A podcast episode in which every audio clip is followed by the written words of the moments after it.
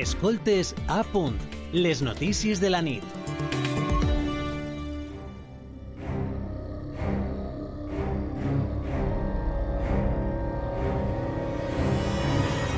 Acompanya l'ésser humà des del principi dels temps. Ens ha mantingut alerta i ens ajuda a sobreviure com a espècie. Però és també un sentiment incòmode, poc compromès i injuriat per moltes veus. S'ha convertit fins i tot en un valor de mercat, sobretot en estos dies pròxims a la celebració de Tots Sants i de l'americà Halloween, per allò de que ens venen cada vegada més experiències de por.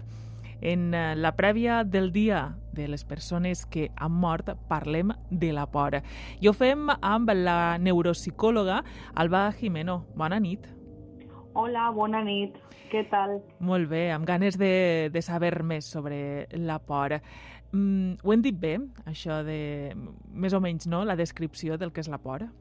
Sí, eh, en efecto, Sara. Pero si me disculpan, en primer lugar, me, me voy a disculpar porque voy a hablar en castellano, me, me, siento más cómoda cuando hablo desde la parte más técnica, académica y profesional. Y bueno, quería aprovechar para mandaros un saludo a todos y en especial a nuestros oyentes que como hoy y muchos días más nos acompañan. Un placer poder compartir con vosotros este espacio y en él hoy, pues, como bien ha dicho nuestra compañera, nos acompaña el miedo una emoción en ocasiones muy incomprendida, pero que sin duda es una gran aliada si sabemos, eso sí, cómo gestionarla. Y sin lugar a dudas, Sara, el miedo es eh, una necesidad básica para poder sobrevivir. Es un propósito establecido a, nivel filogenético en la evolución de la especie, que no es ni más ni menos que protegernos, para alejarnos del peligro, sobrevivir y así perpetuar la especie. Estamos diseñados para ello. El miedo, decía Sara, se experimenta como una respuesta ante una amenaza real o imaginada y así huir de esta. De lo contrario, y perdón por la crudeza de las palabras, estaríamos muertos exponiéndonos a muchos peligros. Uh, de tota manera, tot i que siga, com eh, està comentant, un sentiment que ens permet sobreviure, alhora és un sentiment també desagradable, no? Podem mm. dir, que, que ens incomoda. Um, què li passa al cervell i al cos quan tenim por? Sí, si me permites la, la aclaración, Sara, uh -huh, más sí. que un sentimiento, se trata de una emoción primaria, experimentada de, igual forma en todos los seres humanos, independientemente de cuál sea su cultura. Es una emoción, como muy bien dices, incómoda y desagradable, pero necesaria para sobrevivir. Otra cosa muy distinta es el manejo que hagamos de dicha emoción y el estilo de afrontamiento que adoptemos, el cual no tiene por qué ser igual en cada persona y puede ser la reacción totalmente dispar. El cerebro no distingue entre un estímulo real o imaginado.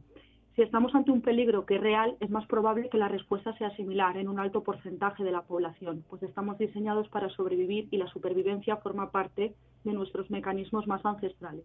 Aquí hablaríamos de un medio adaptativo. Sin embargo, puede ocurrir que nuestro cerebro interprete amenaza sin tener por qué existir un peligro real. Y aquí, ya que hemos aprovechado la temática del miedo por la festividad de Halloween, podemos incluir lo sugestivo que puede llegar a ser el miedo, llegándola a experimentar como tal, aunque sea desde la invención y la imaginación, con las películas o los cuentos más, más terroríficos. Y es aquí cuando la reacción en cada uno de nosotros es más variopinta, mediatizada por la interpretación de lo que vemos, escuchamos o imaginamos y no tanto por lo que verdaderamente está ocurriendo. En otras palabras, interpretar desde el sesgo irracional peligro cuando no lo hay. Uh -huh. Y en alusión, Sara, a la parte más biológica, anatómica y química, la amígdala es una pequeñita estructura subcortical situada en la primera capa del cerebro, que es la más instintiva y primitiva en la evolución de la especie. Esta envía la información relacionada con el miedo a los centros nerviosos superiores, como el córtex prefrontal, quien se encarga de advertirnos que tomes la decisión de huir y así ponerte a salvo. El cerebro segrega cortisol, que es la hormona del estrés, entrando en batalla también toda una serie de mecanismos fisiológicos, como las taquicardias para que el corazón bombee más sangre y así los músculos se tensen para poder escapar. Respiramos también de manera más agitada para generar más oxígeno por si tenemos que hacer un sobreesfuerzo y el aparato digestivo y reproductivo se inhiben para poder invertir toda la energía en lo que ahora verdaderamente importa, que es sobrevivir. Si el cuerpo no reaccionase de esta forma, la probabilidad de subsistir se reduciría. Uh -huh. Como decía Woody Allen, el miedo es mi compañero más fiel y jamás me ha engañado para irse con otro.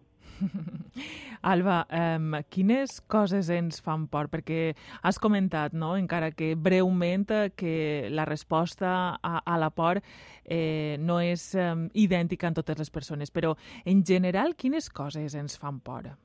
Sí. I, I si hi ha diferències, no?, en funció de l'edat, del moment vital de cada persona. Mm -hmm.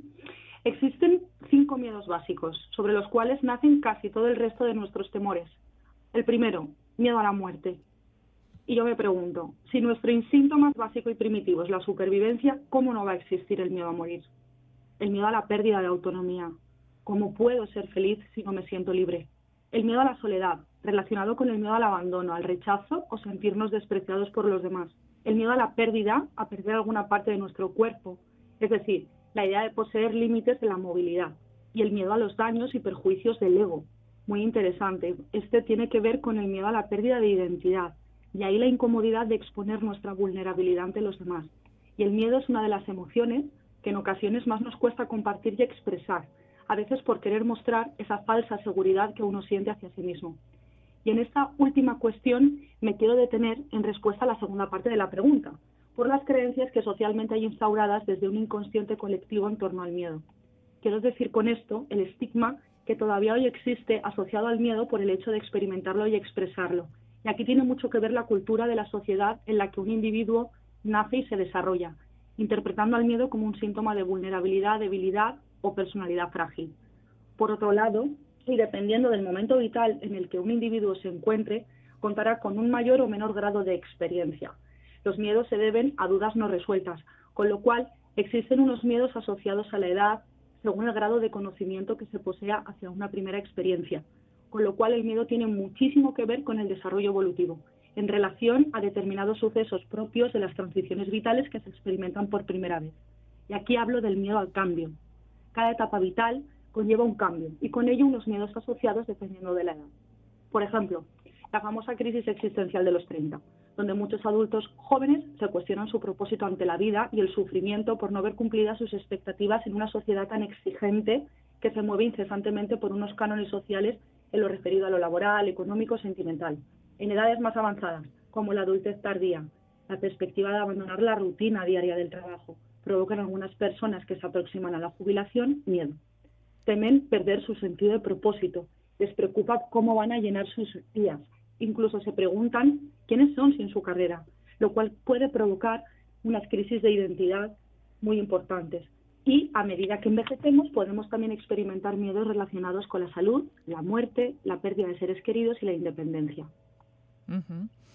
I a banda de tot això, abans eh, comentava no, que, que en estos dies posem el focus no, en la mercantilització de, mm. de la por. Perquè hi ha persones a les que sembla que els atrau la por i d'ahir que s'hagi convertit, no, en certa manera, en un producte, ja siguin pel·lícules, siguin atraccions, siguin jocs eh, de, com l'escape room i coses uh -huh. d'este tipus. No? Hi ha tota una indústria creada al voltant de la por. Això d'una banda y de l'altra, quin paper juga adrenalina? La, Voy por partes, Sara. En primer lugar, existen personas a las que les atrae el miedo porque son buscadoras de sensaciones. Un rasgo de la personalidad que busca experimentar sensaciones variadas y complejas, junto con el deseo de asumir riesgos por el simple deseo de disfrutar de tales experiencias. La persona buscadora de sensaciones se caracteriza por su tendencia a hacer aquellas cosas que una persona tal vez más conservadora consideraría peligrosas y arriesgadas. La diferencia entre unos y otros es la distinta valoración que se hace del riesgo. El buscador de sensaciones optará por aquellos estímulos sensoriales y sociales capaces de producir sensaciones inusuales. Sin embargo, la búsqueda de sensaciones no solamente viene motivada por la distinta valoración que se hace del riesgo, sino que también se ha conceptualizado como una característica con base biológica, la dopamina, adrenalina y noradrenalina. La investigación muestra que el cerebro de los buscadores de sensaciones es menos capaz de regular la dopamina, lo que aumenta la respuesta placentera ante situaciones gratificantes, novedosas, estimulantes, variadas, complejas, etc. Son personas que sienten atracción hacia lo desconocido y hacia las emociones fuertes. De ahí también la preferencia pues, hacia las películas de terror, los deportes de riesgo, las atracciones, el consumo de sustancias. Para estos sujetos el riesgo implica una recompensa, una sensación placentera, al infravalorar la probabilidad de consecuencias negativas y los riesgos reales asociados a una situación. Por ello, las personas buscadoras de sensaciones poseen un umbral más alto de tolerancia hacia lo desconocido, lo cual suele generar, perdón, miedo en un alto porcentaje de la población por nuestro instinto para sobrevivir. Por esta razón se comercializa con el miedo en la fase actual del capitalismo, por la rentabilidad comercial del riesgo y la incertidumbre. Y el mercado, de algún modo, se aprovecha de la inseguridad existencial de los individuos. ¿Quién no ha leído un cartel en un supermercado que ponga últimas unidades al 50% de descuento, convirtiendo un producto, bien o servicio, muchas veces banal y superficial, en una necesidad vital. Doncs sí, eh, eixim de, del que és el, la por convencional no? a una por que és veritat que, que també es dona, de quedar-nos sense aquest producte perquè està a punt de finalitzar. Alba Jimeno, no tenim més temps, neuropsicòloga, però moltes gràcies eh, per haver-nos ajudat a entendre un poc millor aquesta emoció primària i evolutiva que és la por, eh, sobretot en estos dies, no? que, que tant està en boca d'uns i, i d'altres. Moltes gràcies i, i fins a la propera. Moltes gràcies a vosaltres, ha sigut i serà un plaer. Adeu. Adeu.